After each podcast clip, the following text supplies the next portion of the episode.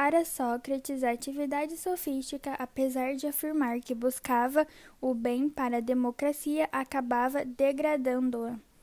Para os sofistas, tudo deveria estar relacionado às necessidades humanas, mas para Sócrates o compromisso era com a busca da verdade.